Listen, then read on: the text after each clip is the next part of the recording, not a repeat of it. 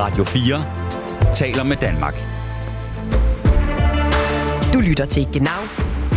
Din vært er Mirko Reimer Elster.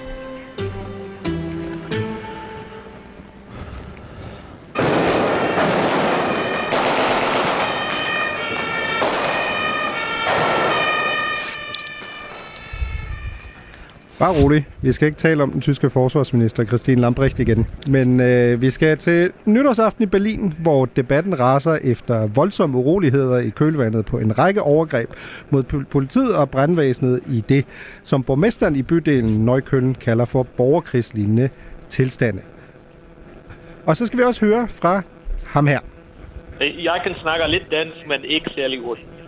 Ja, han kan snakke lidt dansk, men ikke særlig godt. Det er Daniel Kotz, afhængighedsforsker ved Heinrich Heine Universitet i Düsseldorf. Det kan godt være, at han øh, kun kan snakke lidt dansk, men han har til gengæld fuldstændig styr på, hvor mange der ryger i Tyskland.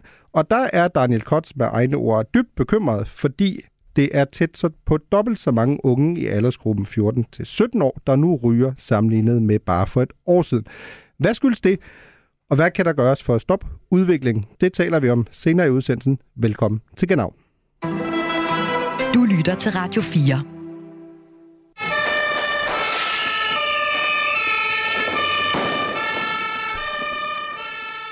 Lad os komme tilbage til de øh, såkaldte borgerkrigslignende tilstande i Berlin. For selvom det jo kun er små to uger siden, at vi gik ind i 2023, så fortsætter nytårsdebatten i Tyskland efter festlighederne mildestalt gik over gevind nogle steder i landet. I Berlin blev øh, politi og brandfolk eksempelvis lidt ind i baghold. De blev barrikaderet, der blev skudt på dem med kanonslag og fyrværkeri. Et enkelt sted blev der også kastet en brandslukker på brandvæsenet. Ganske ironisk, øh, kan man øh, pointere her. Og så prøv at høre her, hvordan talspersonen for Feuerwehr Berlin, altså brandvæsenet i Berlin, Thomas Kirstein, beskriver begivenhederne i Berlin overfor Die Welt. Kurz nachdem das Fahrzeug angehalten hat, sind 25 Vermummte auf dieses Fahrzeug zugestürmt, haben die Rolldehnen hochgerissen, wollten Gerätschaften klauen, haben mit äh, ja, Waffen auf dieses Fahrzeug geschossen, sodass unsere Kollegen nur noch die Flucht antreten konnten. Ja, brandvæsenet på flugt øh, nytårsaften, fordi det blev angrebet af cirka 25 øh, maskerede mænd, øh, må man gå ud fra, at der blandt andet prøvede at storme øh, den her bil, og ligesom prøvede at stjæle noget af udstyret. Øh, sikkert nogle øh, scener, vi er vidne til her. Øh, prøv at høre her, øh, Mathias Sonne, Tysklands korrespondent øh, ved Information. Jeg har dig med på en telefon øh, fra Tyskland endnu. Øh, Mathias Sonne, hvad sker der? Jamen, øh, der, der sker det, at, øh, at, at det skulle være en festlig aften, hvor man byder det nye år velkommen, og så øh, øh eskalerer de her scener, som du beskriver. Og de flyver jo øh, med det samme også rundt i alle mulige øh, sociale netværk, og, øh, og det er klart, at, at det øh, giver en kæmpe forarvelse, når man for eksempel ser øh, en eller anden øh, sortklædt mand, der, der kyler en brændslukker mod en, en øh, ambulance, hvor der i øvrigt øh, øh, lå en, en patient, som skulle på sygehuset øh, i. Altså, når man, når man ser de her voldsomme billeder, eller brandmænd, der får øh, fyret advarselspistoler øh, lige op i fjeset og den slags, så, øh, så stiller folk selvfølgelig sig selv det spørgsmål, hvor er, hvor er retsstaten henne, og hvad, øh, altså, hvad er det for et, et oprør? Hvad er det for, for, øh, for nogle mennesker, der ikke øh, ligesom forstår de naturlige grænser for, hvad man, øh, hvad man kan bruge en, en nytårsaften til? Altså, hvad der er fest, og hvad der er, er herværk, og decideret er øh, altså, øh, angreb på ordensmagten.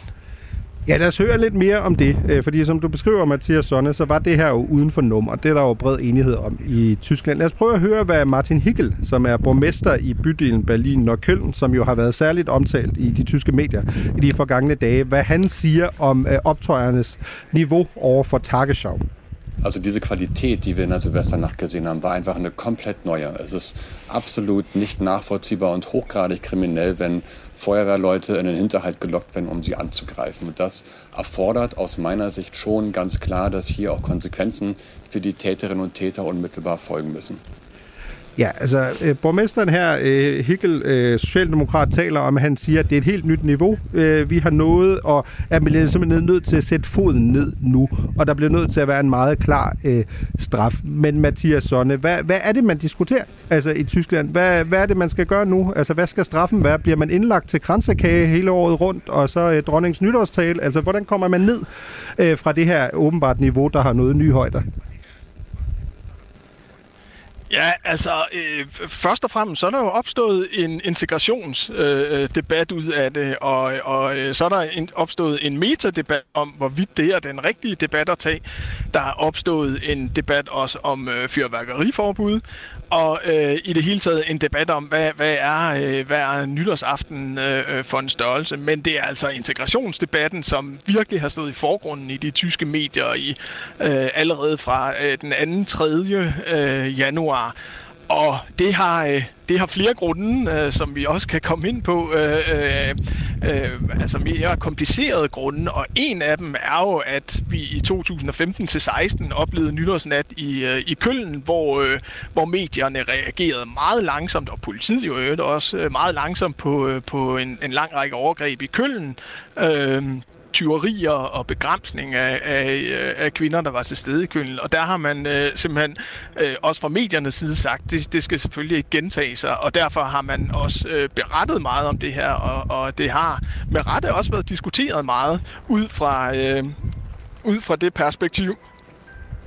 Men Mathias, og, øh, Mathias Sonne, bare lige her, så, så ja. øh, alle er med. Prøv lige at forklare. Øh, overgrebene i Køln i sin tid var jo relativt systematiske overgreb mod kvinder, øh, især fra migranter, øh, fra især nordafrikanske lande. Men det er jo ikke det, der er tale om her. Her er der jo tale om, som du har været inde på, herværk. Der er tale om, at ifølge nogle af opgørelserne er en øh, tilpas stor procentdel, det er enten folk med dobbelt statsborgerskab, eller med, øh, som ikke er, er tysker, men det er jo også bredt forankret. Altså prøv at forklare mig, du bor i Berlin til, til dagligt, men du har jo allerede fortalt mig, at du ikke har været til stede i Berlin, så du er ligesom ikke en af de mode, øh, formodede mistænkte her i forhold til det her. Prøv at forklare mig, altså Nej. hvorfor er der så meget fokus på Berlin, Neukölln? Altså præcis, hvad, hvad er det for et sted?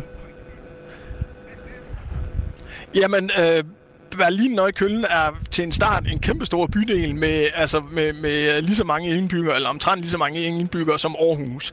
Øh, så vi taler om en rigtig, rigtig stor by, meget autentisk tysk i, i det her tilfælde. Selvfølgelig teknikken øh, svigter. Det, det er det, der sker, når man øh, som sådan øh, er afhængig af tysk internet og, og andet. Men øh, så kan vi sige, at vi er jo heldige i den forstand, at øh, vi har jo også øh, gode gæster i studiet. Jeg introducerer jer lige. Velkommen til dig, Lasse Rodevald. Du er leder for presse- og kulturafdelingen på den tyske ambassade i København. Du er født og opvokset i Flensborg. Og så har jeg også dig med, Nora Siner. Du er også født i Flensborg, øh, virkelig en grænselands øh, udsendelse og sydslesvig udsendelse her. Øh, du er dog opvokset i Sønderjylland, du er statskundskabsstuderende nu, og du har skrevet, tidligere skrevet for Altinget om Tyskland. Det, jeg skulle have spurgt Mathias Sonne om nu, er jo, at øh, der jo er nogle forskellige forslag i forhold til, hvad skal man gøre i forhold til at komme problemet til livs. Lad os øh, lytte til borgmesteren i øh, Neukölln, Martin Hickel, der blandt andet taler om, men måske er det noget med skoleskemaet. Wir müssen die nächsten 364 Tage dafür nutzen, dass wir wichtige Schritte auch in der Präventionsarbeit gehen. Das heißt für mich ganz klar, dass wir unsere Schulen stärken müssen. Das ist schon unser Mantra, unser Credo in den letzten, 20 Jahren, dass wir unsere Institutionen, unsere Bildungsinstitutionen stärken müssen, weil dort Menschen zusammenkommen, egal woher sie kommen, und gemeinsam sozialisiert werden, um dann gemeinsam auch ihren Weg in unserer Gesellschaft zu finden. Das heißt, dort müssen wir wirklich viel investieren. Men Nora Sina, hvad betyder det? Altså skal fyrværkeri på skoleskemaet? Altså, hvordan affører jeg fyrværkeri ordentligt? Øh, hvordan øh, undgår jeg at skyde på mine medborgere eller overfalde brandvæsenet, eller hvordan? Altså, jeg vil sige, jeg tror ikke, det er så meget af fyrværkeridelen, der skal på skoleskemaet. Jeg tror nærmere, det er det, du siger til sidst. Øh, heller ikke så meget, hvordan skal vi ikke skyde på brandvæsenet, men hvordan får vi genetableret det, han synes, der mangler, altså en form for respekt for ordensmagten, og en form for respekt for det samfund, vi lever i sammen.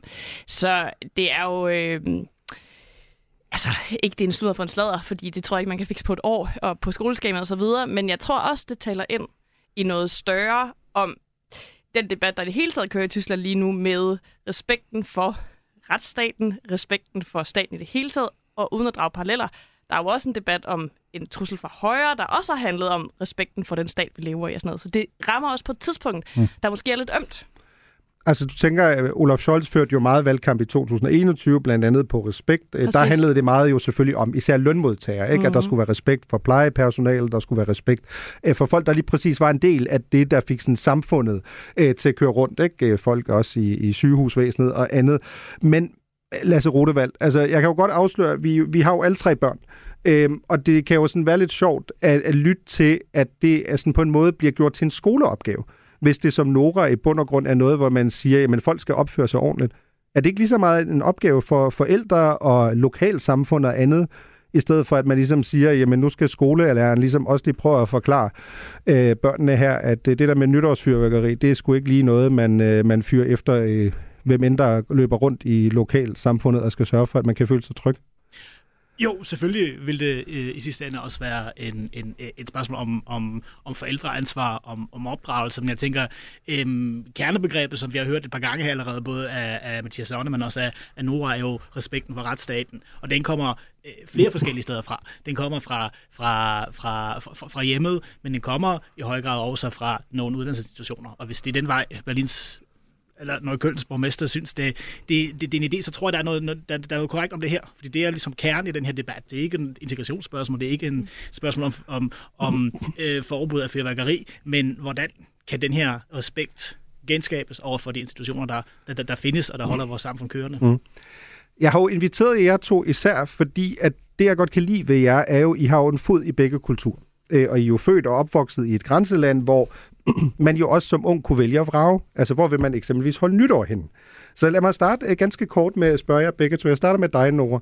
Da du var ung, uh, ikke fordi du er gammel nu, men da du var yngre og mm. boede dernede, hvor vil du helst holde nytår? I Sønderjylland eller på den tyske side af grænsen?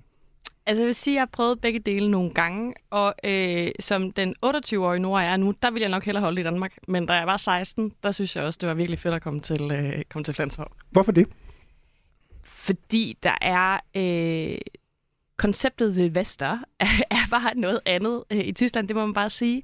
Øh, det var mere vildt. Øh, der var mere druk. Øh, der var mere bølleren. Også i en ung alder med noget, der virkelig kunne bølleren. altså virkelig fyrværkeri, der, der ville noget på en anden måde, end der var på den danske side af grænsen. Men hvad, hvad med dig, Lasse? Du boede jo, kan man sige, på, på det, som Nora kalder det forjættede land i forhold til nytårsaften og Silvester. Du boede jo på den rigtige side. Var det sjovt, synes du? Altså at være i Tyskland og, og fejre nytårsaften, altså, og så altså, kigge som, over på den anden som, side af grænsen? Som, som opvoksende, øh, der var øh, nytårsaften øh, årets højdepunkt. Øh, og det inkluderede også, selv om man ikke havde opnået det lovlige alder, som er 18 år for at købe fyrværkeri i Tyskland, også, også det, som vi kalder bøller. Det vil sige, vi taler ikke raketter, vi taler ikke noget, der, der, der, der har øh, farver, men vi taler noget, der du, du sætter ild til, og så siger det bang i forskellige måder af, højde. Det vil sige, nogle knejkørper er et meget fint udtryk. Og det var en fast del af øh, det og, øh, og, og, holde nytår, og absolut øh, årets højdepunkt, så noget, der hører til. Og jeg har faktisk taget en lille bitte gave til dig, Mirko, øhm, som, som anskueliggør øh, en forskel mellem det danske og det tyske. Og nu jeg tror ikke, I kan se mig, men det, jeg holder her, det er sådan en klassisk øh, beskyttelsesbrille, som er øh, overalt at finde på alle folks hoveder, når vi holder nytårsaften mm. her i Danmark. Men det var altså noget, der ikke fandtes og ikke var en del af mm. øh, den måde,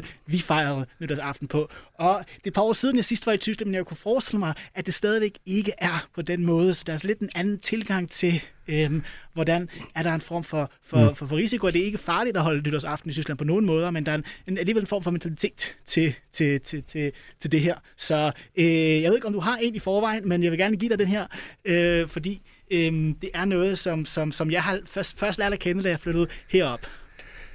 Øh, som øh, den ansvarlige småbørnsforælder, som jeg er, har selvfølgelig øh, indkøbt øh, massevis af, af sikkerhedsbriller. Men som du også er inde på, det er jo først noget, man er begyndt på, når man øh, ligesom bor på den her side af grænsen. Jeg kan ikke mindes øh, set sikkerhedsbriller, da jeg, da jeg selv boede i Tyskland, kan heller ikke mindes om, at man gjorde noget ud af den slags. Og det er jo, Nora sagde det jo ganske fint, alene den her kulturelle forskel, øh, at øh, vi tyskere har jo et helt andet begreb. Vi kalder det jo ikke nytårsaften, vi kalder det Silvester.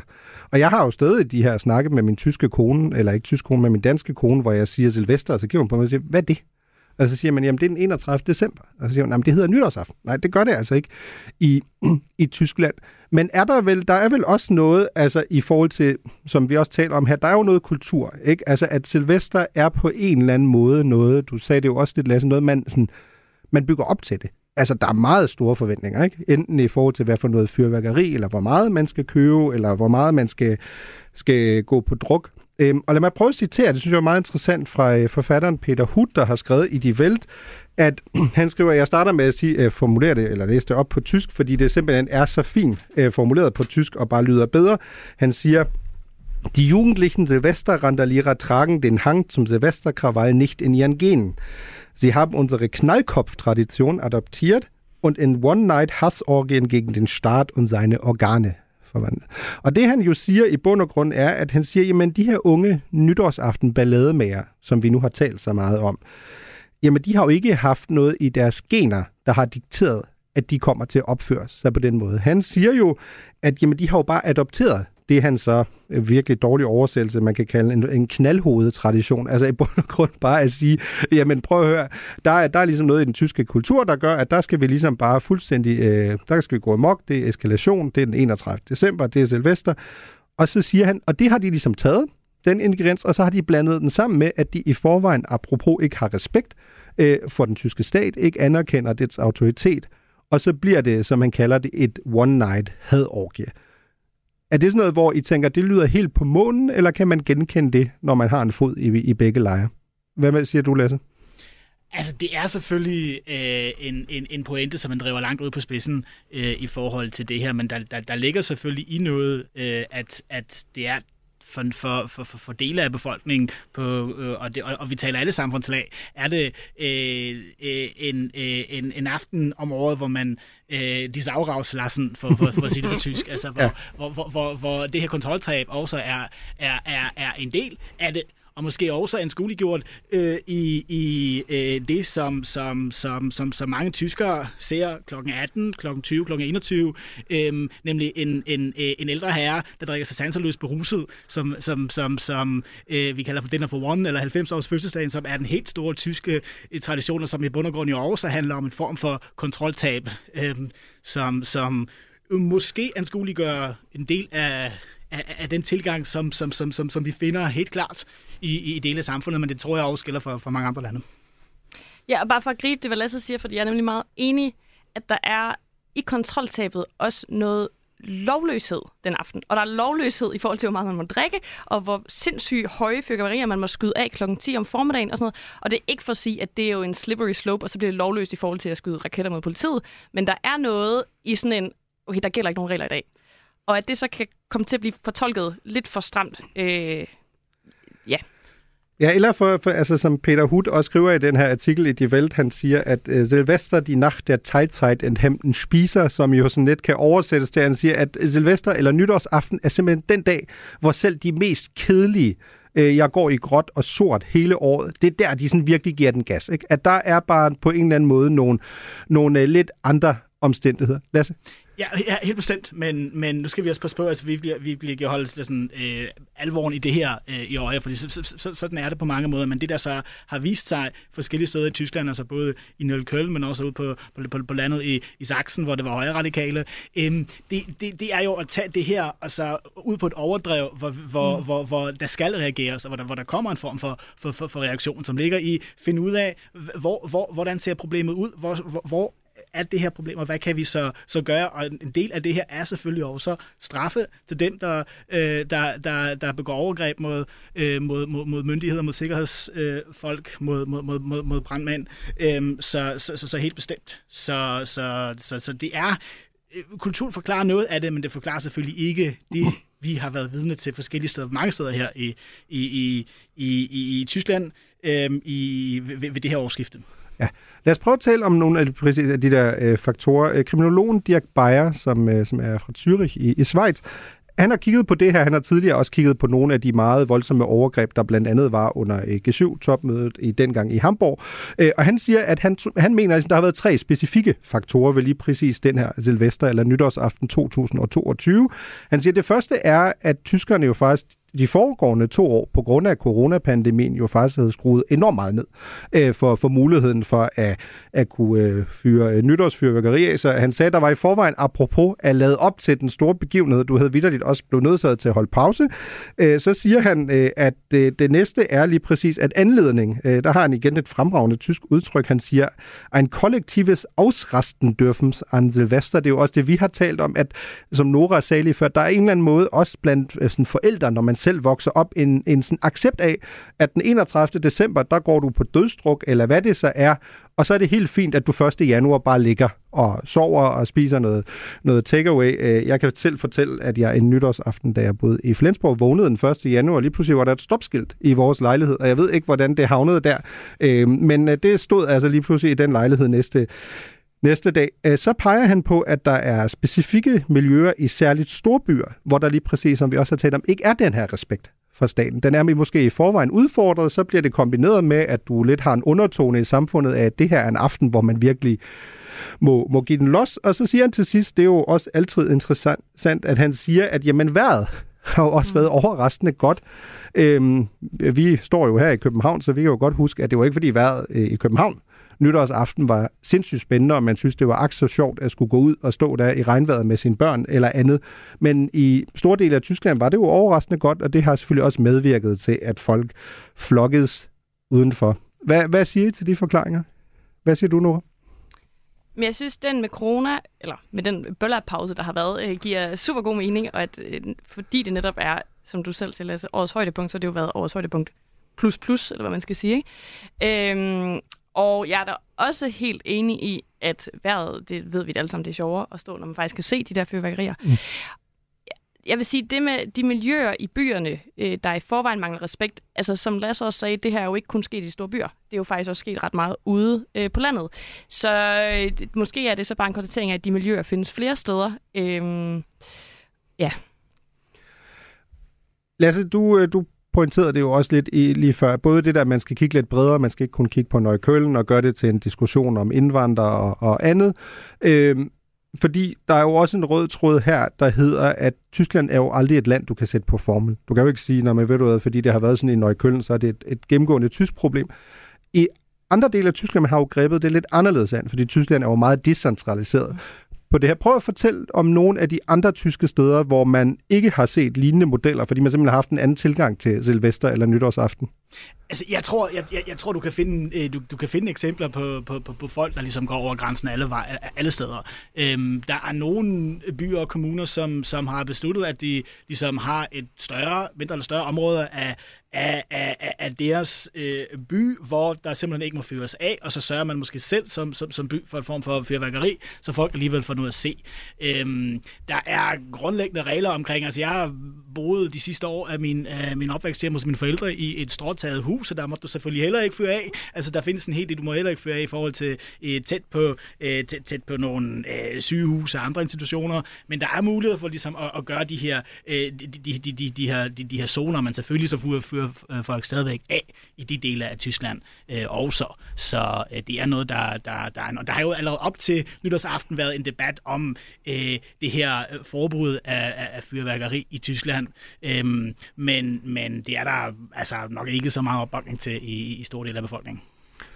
Hvorfor tror, hvorfor tror du det, Nora? Altså, for, hvorfor tror du ikke nødvendigvis, den, den opbakning er der? Den, der har jo lige været en meningsmåling, der selvfølgelig viser, at et flertal af tyskere går ind for, at nu skal man øh, forbyde øh, bøllerej eller øh, fyrværkeris affyring totalt. Øh, lurer mig om ikke øh, om små øh, 350 dage, hvis du laver den samme måling, at øh, så siger folk, ah, ah, ah, øh, nu er vi altså nået til den tid øh, på året, hvor det er på tide igen at øh, sluppe øh, gængen løs, og måske lidt mere. Altså ikke for at gøre det til en større ting, end det måske er, men jeg tror, det er en af de ting, man bare består på. Det må vi godt. Øh, lidt der, som man jo består på, øh, ikke at indføre en fartgrænse på motorvejene. Og som der er nogle ting, som bare er sådan noget, det er noget, vi må, det er vores ret, øh, og vi har den her ene dag, eller vi har den her ene tur på motorvejen, hvor vi ligesom, altså, der har vi simpelthen lov til at gå, øh, gå crazy. Ja, og det går så ud øh, over nogle af, nogle af vores allesammens øh, gode venner her, eller, fordi jeg talte jo med Ulla Terkelsen øh, i Genaus nytårsspecial om øh, lige præcis det her, og øh, også øh, hele Danmarks Ulla Terkelsen, vores øh, folkekære held, min øh, tyske partner in crime, har jo også haft en lettere øh, traumatisk tysk øh, nytårsoplevelse. Lad os øh, høre om den. Folk smed alt muligt form for nytårsfyrværkeri øh, ned i hovedet på en fra etagerne. Altså, jeg, jeg bryder mig egentlig ikke om de der jeg synes, det er flot, at raketterne, når de er oppe i luften, men jeg mener, jeg bryder mig ikke om de her brag. Men i Tyskland, hvor der er en, tror jeg, Mirko, det må du vide, en øh, liberal og fyrværkerilovgivning end i Danmark. Jeg tror også, der er danskere, der sniger sig ned syd for grænsen og køber øh, former for fyrværkeri, som er forbudt. Men det de, altså, at de smed det ud af vinduet, altså øh, ned efter mig, sådan for sjov, ha, og sådan noget, det synes jeg egentlig ikke var særlig sjovt. Jeg kan huske, at jeg sådan til sidst gik ud sådan midt på gaden, og sådan zigzaggede, og Øh, jeg var, øh, havde selvfølgelig fået noget vin og noget champagne, og, og jeg var heller ikke alene, men, men jeg, jeg, jeg havde det som en, en ubehagelig oplevelse. En uh, ubehagelig oplevelse for uh, Ulla Terkelsen, der zigzagger i, igennem Berlin. Man kan, jo, man kan jo godt høre det, og hun, hun trækker jo også selv lidt uh, på smilebåndet her i den her udsendelse fra den 27. december, hvor vi optog uh, Genaus nytårsspecial. Uh, men man får også lidt ondt af hende, eller hvad, Nora? Det lyder da virkelig ikke særlig sjovt.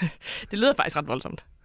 Hvad siger du, Lasse? Det, er ikke, det, var, det var ikke måske et, et Tyskland, der viste sig fra sin bedste side. Nej, og jeg skal, altså, det, det, det, det skal jeg også lige fremhæve. Du kan have oplevelser som den her mange steder, øhm, så det er ikke sådan, at du lander i et fyrværksinferno, når du vælger at holde din, øh, din, din, din nytårsaften i Tyskland eller i Berlin for den sags skyld. Der er områder, hvor der kan være, øh, hvor, hvor, der, hvor der er gang i den, og hvor der er for meget gang i den.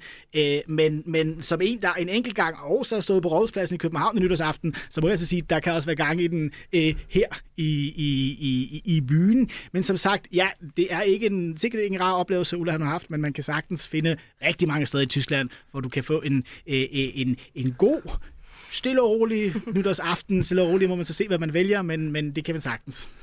Men som du siger, øh, man kan også stå, ligesom vi gør nu i København, og føle, øh, jo ikke særlig langt fra Rådhuspladsen, at øh, det kan gå over gevinst. Det er jo ikke øh, så mange år siden, at øh, Nick Hækkerup stod og øh, lovede øh, bål og brand, eller det er måske en dårlig sammenligning her, men øh, i hvert fald øh, stor straf øh, til de mennesker, der ikke kunne opføre sig ordentligt nytårsaften, da Danmark fik sin egen lille diskussion om det, og sagde, at hvis folk ikke kunne have respekt og andet, så måtte de ligesom i fængsel. Man kan sige, at Nick Hækkerup, øh, han er jo nu travlt med at øh, være i ølbranchen. Jeg tror, det er en dårlig kombination øh, i den her forbindelse, men det er, hvad det er. Tusind tak til jer to. Selv tak. Selv tak. Du lytter til Genau på Radio 4. Vi skal tilbage til vores øh, gode ven, Daniel Kotz. Jeg kan snakke lidt dansk, men ikke særlig godt. Ja, Daniel Kotz, øh, ham der ikke taler så godt dansk, øh, afhængighedsforsker ved Heinrich Heine Universitet Düsseldorf og leder af DEBRA-undersøgelsen, der kigger på tyskers rygevaner. Øh, det, der selvfølgelig har vagt en enorm stor opsigt i Tyskland, er, at øh, der har været en voldsom stigning i antallet af unge, der ryger i Tyskland. Lad os prøve at få nogle tal på her. At øh, mere præcis er det tæt på en fordobling af unge i aldersgruppen 14 til 17 år i 2020 21 var der 8,7 procent af de unge i den aldersgruppe, der røg, og ifølge den seneste DEBRA-undersøgelse, som Daniel Kotz altså har stået i spidsen for, så er det her tal steget til næsten 16 procent. Bare til sammenligning, så er tallene i Danmark øh, for aldersgruppen 15 til 17, øh, det er cirka 11 procent, hvoraf langt størstedelen er folk, der ikke ryger dagligt, øh, men lejlighedsvis. Også i de øvrige aldersgrupper er der sket en stigning i brugen af tobak blandt øh, tyskerne, men det er især de unge, der bekymrer Daniel Krotz. Ich bin äh, absolut besorgt, dass die Zahlen gestiegen sind und sie waren eigentlich schon zu hoch im Vergleich zu anderen europäischen Ländern. Und äh, das ist einfach besorgniserregend, weil durch das Tabakrauchen äh, unheimlich viele Menschen erkranken und auch frühzeitig sterben. Und das muss nicht sein. Und man könnte so viel unternehmen, um das zu unterbinden. Und das ist einfach äh, schade, dass das nicht passiert. Ja, altså Daniel Kott siger jo her, at øh, for det første var tallet, synes han, for højt i forvejen. Så alene det, at, at det stiger fra et, synes han, for højt udgangspunkt, er, er et problem. Og så siger han jo også, at han mener, at der i bund og grund er så meget, der kan gøres for at forhindre, at man ser det her niveau af særligt unge, der ryger i, øh, i Tyskland. Men lad os øh, prøve at høre, altså, hvorfor er det særligt, øh, at det er unge tysker, der ryger, og især øh, her indledningsvis i den her anden del af Genau. Hvad skal der gøres for at knække den her kurve? Og det kan jeg jo med øh, fordel spørge min øh, næste gæst. Det er øh, Leon Bossen. Du er 21 år gammel. Du er formand for De Grønne, regeringspartiet på forbundsplan, men du er formand for dem i deres afdeling i Flensborg. Vi har virkelig et Flensborg-tema her i, i dag. Guten Tag, Leon. Hvad, hvad med dig? Ryger du egentlig selv? Guten Tag. Øhm, nej, jeg ryger ikke selv, men jeg har da i hvert fald mange venner, der gør. Hvorfor tror du, at uh, dine øh, sådan yngre venner, altså hvad, hvad er det, der, hvis du sådan, som politiker skulle pege på det, hvad, hvorfor tror du, at der, der er den her stigning i rygning blandt unge tysker? Ja, øhm, men jeg er jo lige så bekymret som Danny Kotz er, hvis det handler om, at vi nu i de, øh, fra det sidste år til det nuværende har oplevet en virkelig markant stigning af øhm, unge, der ryger. Og øhm, vi må ikke glemme, at vi de sidste tre år nærmest permanent har levet i krisemodus, og det gælder især os om, um, som næsten altid er blevet glemt. Um, jeg kan meget godt huske, at der i hvert fald her i Tyskland, nu ved jeg ikke, hvordan det var i Danmark, um, at der i starten af energikrisen var diskussion om, at unge igen skal læse fra derhjemme, sådan at universiteterne kan lukke og uh, spare energi. Uh, det var altså det første forslag, der kom i denne retning, og det første forslag var, at vi skal spare hos de unge. Øhm, og det er jo en logik, vi de sidste år har oplevet igen og igen. I coronapandemien, hvor vi blev glemt, og skolerne og uddannelsesinstitutionerne var de sidste, der åbnede for normal hverdag. Øhm, det har alt udløst ekstrem stress øhm, i coronapandemien, i inflation, hvor en aflastning af unge blev glemt, hvor mange måtte flytte tilbage der, til deres forældre, fik endnu mere stress, ikke kunne fokusere sig på deres uddannelse, men samtidig jo fik den samme forventninger som altid. Og det fører til, at mange øh, kompenserer det med, øhm, i det de starter med at ryge. Og det synes jeg er en fiasko for hele vores samfund, og især den politik, vi har kørt om, så, og som vi stadigvæk kører.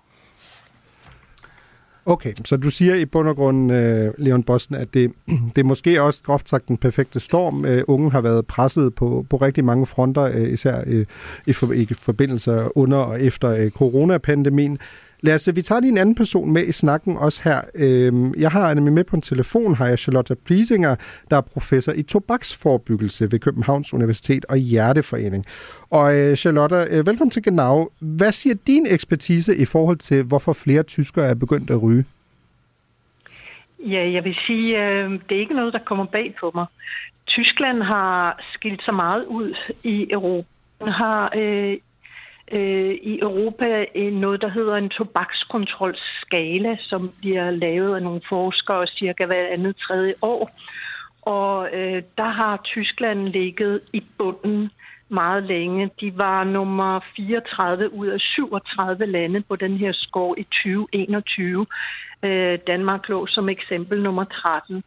Øh, de klarer sig dårligt på alle parametre, de bliver bedømt på faktisk. Altså øhm, øh, lovgivninger, indsatser øh, altså mod øh, på forskellig vis. Øh, pris, øh, den er for lav. Øh, reklameforbud, antirygekampagne har de ikke afsat penge til. De gemmer ikke tobakken væk øh, ved disken. Det eneste øh, punkt, hvor de klarer sig godt, det er faktisk øh, noget med illegal handel øh, men heller ikke rygestoptilbud til borgerne. Øh, øh, der, der er der nogle gode tilbud. Og øh, man må forstå, at de unge mennesker, de bliver hele tiden bombarderet med, med synlig rygning på de sociale medier, øh, på streamingtjenester, især Netflix. Og øh, der er lovgivningen øh, med til at beskytte dem mod det. Og, og vi ved, at, at pris og, og reklameforbud, det er noget af det, der har den største effekt. Enormt interessant. Øh, og øh, Charlotte, det er jo, øh, du lyder jo nærmest som et ekko af Daniel Kott, som jeg jo har talt med, altså lederen af det her mm. store tyske studie. Lad os lige prøve at høre, hvad han nemlig også peger på, da jeg spurgte ham, hvad skal man gøre for at knække den her udvikling? Ich könnte jetzt mal drei äh, herausgreifen, die, äh, glaube ich, äh, Direkteffekt hätten, zum Beispiel in Deutschland. Als erstes äh, die Tabaksteuer drastisch erhöhen, dass der Tabak quasi unerschwinglich wird für Jugendliche, die besonders wenig Geld haben. Zweitens die Verfügbarkeit und Sichtbarkeit von Tabak stark reduzieren. Ich weiß nicht genau, wie es in Dänemark ist, aber ich war vor einiger Zeit in Norwegen und da ähm, sieht man keine Tabakprodukte, auch in Kiosken nicht und man muss explizit danach fragen und dann wird eine Schublade geöffnet oder äh, ein Schrank äh, und dann wird dann eine Packung rausgeholt, eine Einheitsfarbe oft auch. Und ähm, bei uns in Deutschland, ähm, das kennen Sie Bild, das Bild wahrscheinlich auch, wenn Sie mal tanken gehen äh, oder äh, Supermarkt, ähm, Kiosk, dann sieht man da die ganze Produktpalette. Also es ist sehr leicht verfügbar. Wir haben sogar noch Zigarettenautomaten auch noch in mhm. Also das müsste man stark einschränken. Und der dritte Punkt sind rauchfreie Lebenswelten, insbesondere da, wo sich junge Menschen, Jugendliche aufhalten. Ähm, das sind Bildungseinrichtungen, Schulen zum Beispiel, ähm, Freizeiteinrichtungen, äh, Spielplätze, Sportstätten und so weiter, dass die Gebäude komplett rauchfrei sind und auch die Gelände rauchfrei. Ja, altså Charlotte, det som jeg sagde, altså han, han lyder jo lidt øh, så, som et ekko af dig, ikke? Altså I peger jo mm. på mange af de samme øh, løsningsforslag her, ikke? Altså et løsningsforslag er for det første, prisen skal, skal gevaldigt op, øh, så man ligesom, øh, især som ung, der ikke har det store rådighedsbeløb, ligesom skal øh, ikke har, simpelthen ikke har råd til, til at starte med at ryge. Det næste er, at Daniel Kotz jo peger på, at det er i Tyskland, og det har du også allerede indikeret ved at henvise til det her studie, der viser, at Tyskland er nummer 34 ud af 37 i forhold til at sætte mm. nogle barriere op, at det er simpelthen fornemt, altså også at, at få syn på, af muligheden for at mm. ryge. Mm. Altså, cigarettenautomaten er jo et nærmest mm. altså, legendært mm. altså, tysk øh, fænomen. Altså, jeg var i Tyskland så sent som i går, og, og, og sad og spiste frokost i en, en dønerladen, altså en form for shawarma biks, og der stod en cigaretautomat. Altså to meter fra, hvor jeg fik jeg min tror, mad. Der er omkring en million cigaretautomater i, i Tyskland. Det er ret unikt, og der, der kan de unge jo trække det døgnet rundt, ikke? uden nogen form for øh, aldersidentifikation. Altså, jeg tror, der, der er en ting til, hvis jeg må tilføje, øh, som, som jeg ikke nævnte her, men det er også industriens øh, indflydelse på politikerne. Øhm, Udover den her skala, som jeg talte om, tobakskontrolskalaen, findes der en anden skala, som vi arbejder med. Den hedder Tobacco Industry Interference Index. Altså, hvor meget øh, interfererer øh, øh tobaksindustrien, eller hvor stor indflydelse har de på lovgivningen. Øh, og i 2021, der var de, øh, og i Tyskland fik de en meget, meget høj score på 68, og de lå igen i bunden øh, øh, sammenlignet med verdens lande. Altså for eksempel lande som Irak, Ægypten og Kazakhstan klarer sig bedre, når det gælder at holde afstand til tobaksindustrien. Øh, så de øh, har for eksempel, tobaksindustrien har en indflydelse på lovgivningen på mange måder. De bliver inddraget simpelthen i udviklingen af lovgivningen. De får forskellige privilegier, og politikerne omgås industrien. Så det, man skal huske på, det er, at Tyskland er et øh, tobaksproducerende land. Øh, der er knap 200 tobakskompanier registreret men, men domineret af det internationale tobakskompanier, ligesom herhjemme. Ikke? Og der er forskellige associationer, organisationer og frontgrupper, som så har lavet øh, nogle frivillighedsaftaler med, øh, med den tyske regering. For eksempel om, at man ikke må reklamere målrettet mod unge, og, og, og, og øh, det har de så overhovedet ikke overholdt. Øh, reklamer øh, har været øh, øh, tilladt i offentligt rum lige indtil sidste år. Og der har kørt nogle kampagner, mm, altså specifikt målrettet unge. Altså den, den jeg husker bedst, er den, der hedder Don't be a maybe, be Marlboro. Øh, hvor det var sådan noget, a maybe is not invited, uh, maybe never reach the top, maybe never fall in love, maybe never be strong, osv som giver hele den der følelse af, at, at hvis man er ung så, og, og ryger, så, bliver man, så er man oprørsk og har mod, og man går glip af selve livet, hvis man ikke ryger.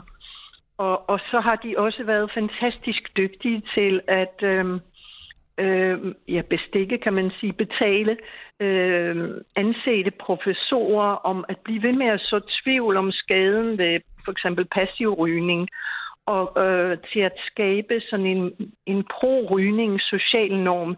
Så det er stadigvæk i dag øh, socialt acceptabelt for forskellige, øh, for for eksempel skuespillere, politikere, øh, ja, forskellige berømtheder, øh, Øh, at, at komme til arrangementer sponsoreret af tobaksindustrien og blive fotograferet øh, til de her arrangementer. Og det vil man jo slet ikke se herhjemme. Der er jo ingen øh, kendiser med respekt for sig selv, og slet ikke politikere, der vil lade sig fotografere øh, sammen med tobaksindustrien. Det er enormt interessant, Charlotte. Jeg tænker, apropos, fordi du peger jo på en lang række problemer her. Lad os, lad os vende tilbage til, til Leon Bossen, som jo er, er formand øh, for, for De Grønne i, i Flensborg. Leon, prøv at høre her. Øhm, du er jo øh, blandt andet videnskabelig medarbejder for Robert Habeck, som jo er tysk vicekansler, økonomiminister. Øh, I er et parti, der i høj grad har fat i unge vælgere. Øh, I er også et parti, der går enormt meget op i at skåne miljøet. Altså rygning er jo heller ikke godt for miljøet.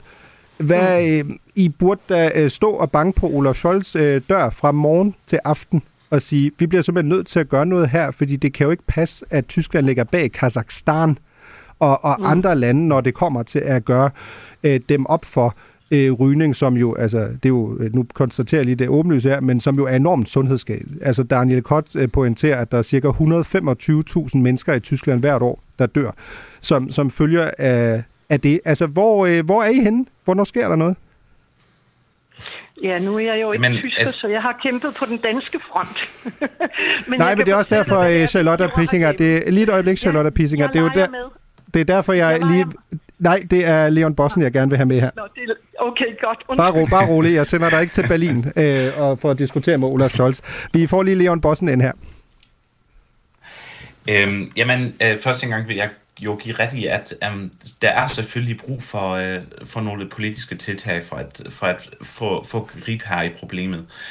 Um, men jeg vil sådan lidt modsige den konklusion, at man altid skal sige, at vi skal gøre det endnu mere, altså selvfølgelig skal vi gøre det endnu mere svært, men at vi kan løse hele problemet, de forbyder, og i det vi kan, uh, i det vi øh, laver mere prohibition på det hele. Jeg mener, at um, alle unge selvfølgelig selvom, selvom der kommer en form for coolness for mange med, i det de starter med at ryge, men alle ved, at det er usundt at ryge. At der er et risiko ved at ryge. Det vil, altså, jeg er helt overbevist om, at, at alle unge ved det, også dem, der ryger. Um, men jeg har sådan lidt et problem i, at, at det altid er den der måde på at diskutere, at der så skal komme flere forbud på. Um, jeg mener, at, um, og det, det er måske også en forskel på Danmark og Tyskland, at Danmark er bedre i at, at drage unge med ind i den diskussion. Jeg kan godt huske, um, at der, um, nu vil jeg bare tage et eksempel i coronapandemien. Um, det var et initiativ, som jeg også gerne personligt ville um, indføre i, i Flensborg i min kommune.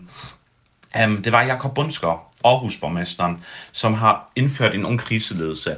Altså hvis det handler om restriktioner, der vedrører unge, så skal unge med ved bordet. Så skal unge være med ved bordet jamen, så skal de være rådgiver. Det er noget, vi har brug for overalt i politik, også i det her emne. Jeg mener, at det, som jo stresser unge enormt meget, er de forventninger, de får delegeret fra samfundet, henholdsvis fra politikken.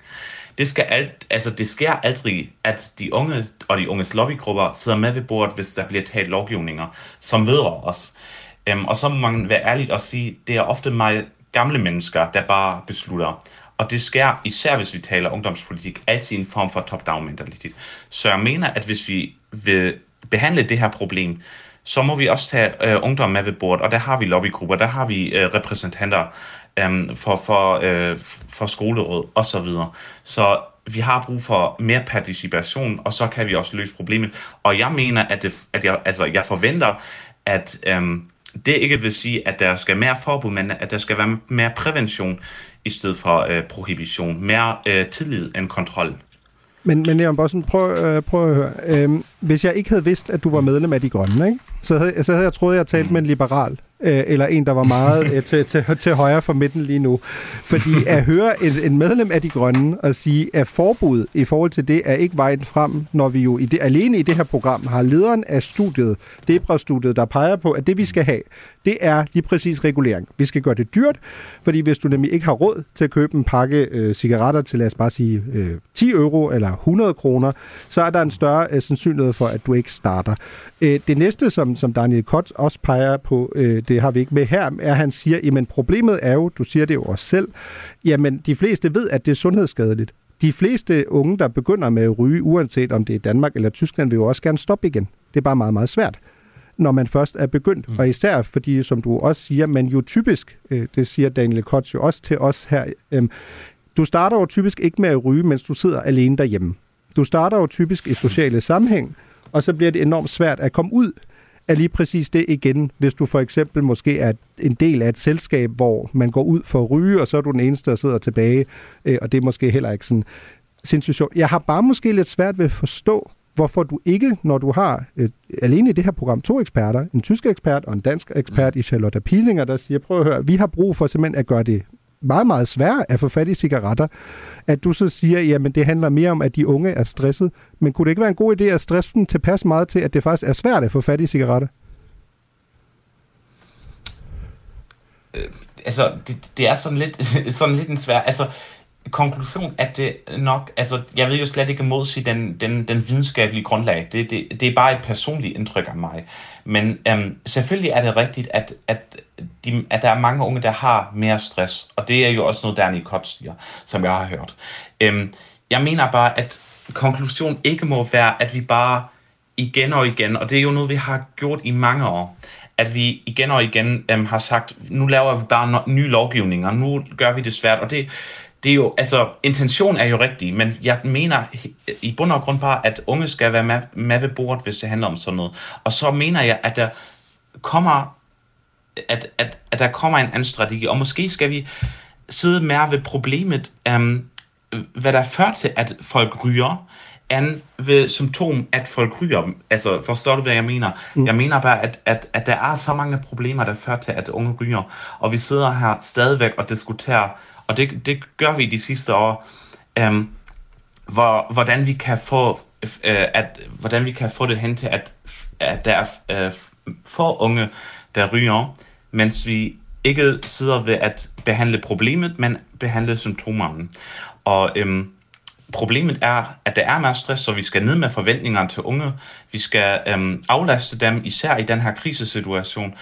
Og så mener jeg helt sikkert også, at vi skal have øh, mere participation i politik af unge. Og så mener jeg også, at, at da vi kommer bedre løsninger, også, så bliver der øh, ikke så mange øh, unge, der ryger. Okay. Tusind tak, øh, Leon Bossen, fordi du havde tid til at være med her, øh, formand for De Grønne i Flensborg. Vielen lieben Dank. Øh, Nora Sina, ja. jeg har jo stadig dig med i studiet, statskundskabsstuderende, men født i Flensborg, opvokset i, i Sønderjylland, så du kender jo også enormt godt den her problematik, når man, når man er ung og ligesom opvokser i det der grænseland og kender begge kulturer. Synes du, er der sådan, har du sådan oplevet, er der en mærkbar forskel mellem altså bevæge sig i, i den danske og den tyske kultur, også i de to lande, øh, sådan helt konkret, når det kommer til rygning? Altså er det mere synligt? Er det noget, du lægger mærke til? Ja, altså synlighed kæmpe forskel. Altså hvis man var i, eller hvis man er i Flensborg eller et andet sted i Tyskland og drikker en øl og vil have nogle smøger, så går man jo bare ud på gaden og finder dem. Du skal ikke engang ind i en kiosk øh, og stå til ansvar. Øh, så, så der er noget med synlighed og tilgængelighed, der er en kæmpe forskel. Og så og det er jo så også det, der bliver peget på her, er der også stadig en kæmpe forskel i, hvor socialt acceptabelt det er.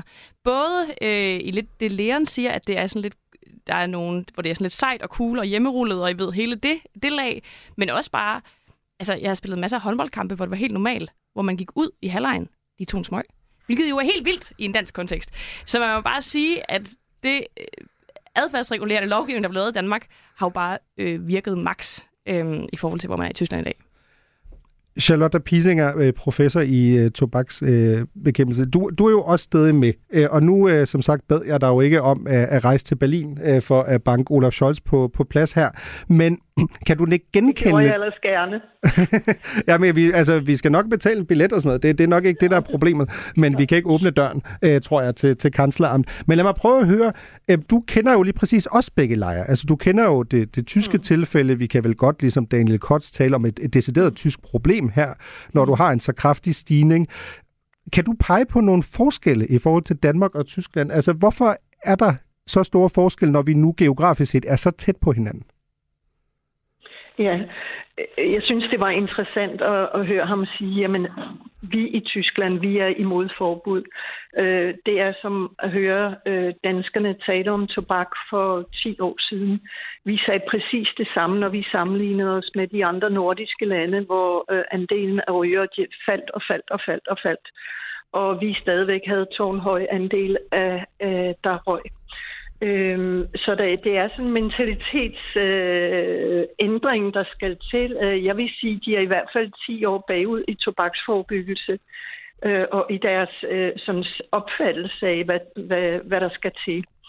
Øhm, fordi øh, vi ved faktisk, hvad der virker inden for tobaksforebyggelse. Man ved ikke særlig meget om, hvad man kan gøre omkring mental øh, øh sundhed hos unge, eller hvad man kan gøre ved overvægt øh, men man ved, hvad man kan gøre ved, øh, at, øh, hvordan man forebygger rygning. Og, og det, der skal til, og som virkede herhjemme, øh, det var det var flere ting. Øh, her der så vi, øh, at øh, andelen af unge øh, ryger, det, den steg i 2017. Og det forårsagede ligesom et momentum til, at øh, vi slog os sammen. Øh, Øh, der blev skabt noget, der hedder Røgfri Fremtid, som var øh, et partnerskab, der efterhånden har måske over 200 partnere. Øh, og det er kommuner, regioner, det er skoler, det er øh, øh, erhvervsliv, det er alle mulige, der kommer nedefra og begynder at presse på. Øh, og vores øh, krav til regeringen var, at øh, man skulle øge prisen. Øh, der skulle komme øh, strammere reklameforbud. Man skal gemme tobakken væk, øh, så den ikke er synlig ved kassen. Øh, der skal være neutrale tobakspakker. Der skal køres anti-rygekampagner. Der skal være øh, rygeforbud i offentligt rum. Øh, røgfri skoletid osv mange af de her ting blev så løbende indført af øh, det, der kunne indføres på frivillig basis, blev indført. For eksempel øh, røgfri skoletid var der flere skoler, der begyndte at indføre helt frivilligt, for at vise, at det kan faktisk lykkes. Samtidig med, at de blev ved med at, at, ligesom at, at kræve, at det ville være nemmere, hvis det var politisk vedtaget for alle skoler. Der var også flere øh, kommuner, der indførte røgfri arbejdstid og pressede på, at det blev indført politisk. Øhm, øh, Salling-gruppen, øh, øh, som øh, det er sådan øh, forskellige øh, supermarkedskæder, øh, de begyndte at gemme tobakken væk og gik ud i medierne og kunne fortælle, at jamen, de havde solgt, jeg ved ikke, en million eller 10 millioner cigaretter mindre i løbet af ganske kort tid.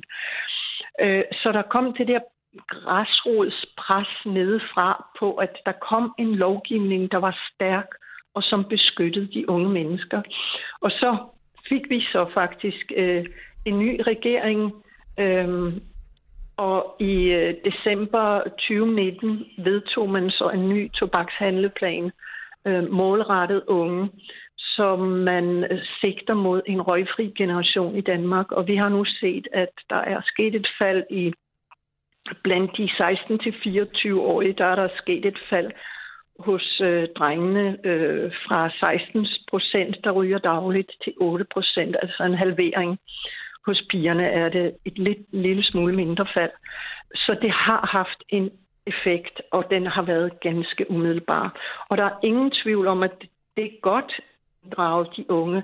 Lad dem endelig at være, være med til at kæmpe øh, for eksempel at påpege over for politikerne, at, at øh, cigaretter er et forfærdeligt miljøsvineri, og, og, øh, og, og, og kræve, at der bliver gjort noget ved det. Men der er ingen som helst vej udenom lovgivningen, øh, hvis det er, at man skal løbes med det. Og, og en del af det er altså også, at de holder op med at øh, være slyngveninder med tobaksindustrien, fordi hvis de ikke får dem på en armslængde, så kommer det aldrig til at ske. Tusind tak, fordi du var med her, øh, Charlotte Plisinger. Meget, meget enormt interessant. Vi har talt om det her i, i 100 år. Øh, enormt vigtigt også. Øh, vi desværre, tiden er ved at løbe for os, men lad mig lige høre Nora Sina her. Der bliver jo virkelig talt meget om, om kultur her, men lad os lige kort til sidst også øh, vende det her med, fordi Daniel Kotz peger jo også på, at der er jo også øh, noget socioøkonomisk i det her. Altså det er jo også sådan, at det er typisk folk med lavere uddannelse, øh, relativt lille rådighedsbeløb, øh, typisk mænd også, øh, der starter med at ryge. Er der ikke en risiko for at, at, at udskamme altså, øh, nogle, øh, nogle grupper i samfundet? Det er jo også det, man har diskuteret herhjemme, ikke? at Præcis, der har været total debat om, hvordan sørger vi for, at det ligesom ikke er dem, der har det sværest i forvejen, der får det endnu sværere, og der skal betale endnu højere priser for tobak og så videre. Og det er der, der er en risiko for, og øh, den er da heller ikke sjov at løbe, men man kan sige, hvad alternativet det er jo, at vi kommer til at bruge enormt mange penge, og, det, og, og de kommer til at bruge enormt mange sundhed på at, at ryge de smøger der. Så, så spørgsmålet er ikke, om det er en risiko, der er værd at løbe. Klar øh, tale her fra, fra Nora Sina øh, til sidst. Æh, Stor fornøjelse igen at være vært for Genau i den her uge. Tusind tak til gæsterne, Lasse Rodevald, Nora Sina, som sagt Mathias Sonne, Daniel Kotz, Leon Bossen, Charlotte Pisinger øh, i redaktionen, Dorte Lind og Niklas Stein. Og vi starter, hvor vi slutter, nemlig i Berlin, med de to lokale rapper, Flair og Stiller, der i 2012 slog et slag for, at hver dag skulle være Silvester i Tyskland. Sangen hedder lige præcis det samme, Jeden Tag Silvester. Jeg er ikke sikker på, at de vil dele den holdning i Berlin-Neukölln. Auf Wiederhören. Ich lebe mein Leben so, als wäre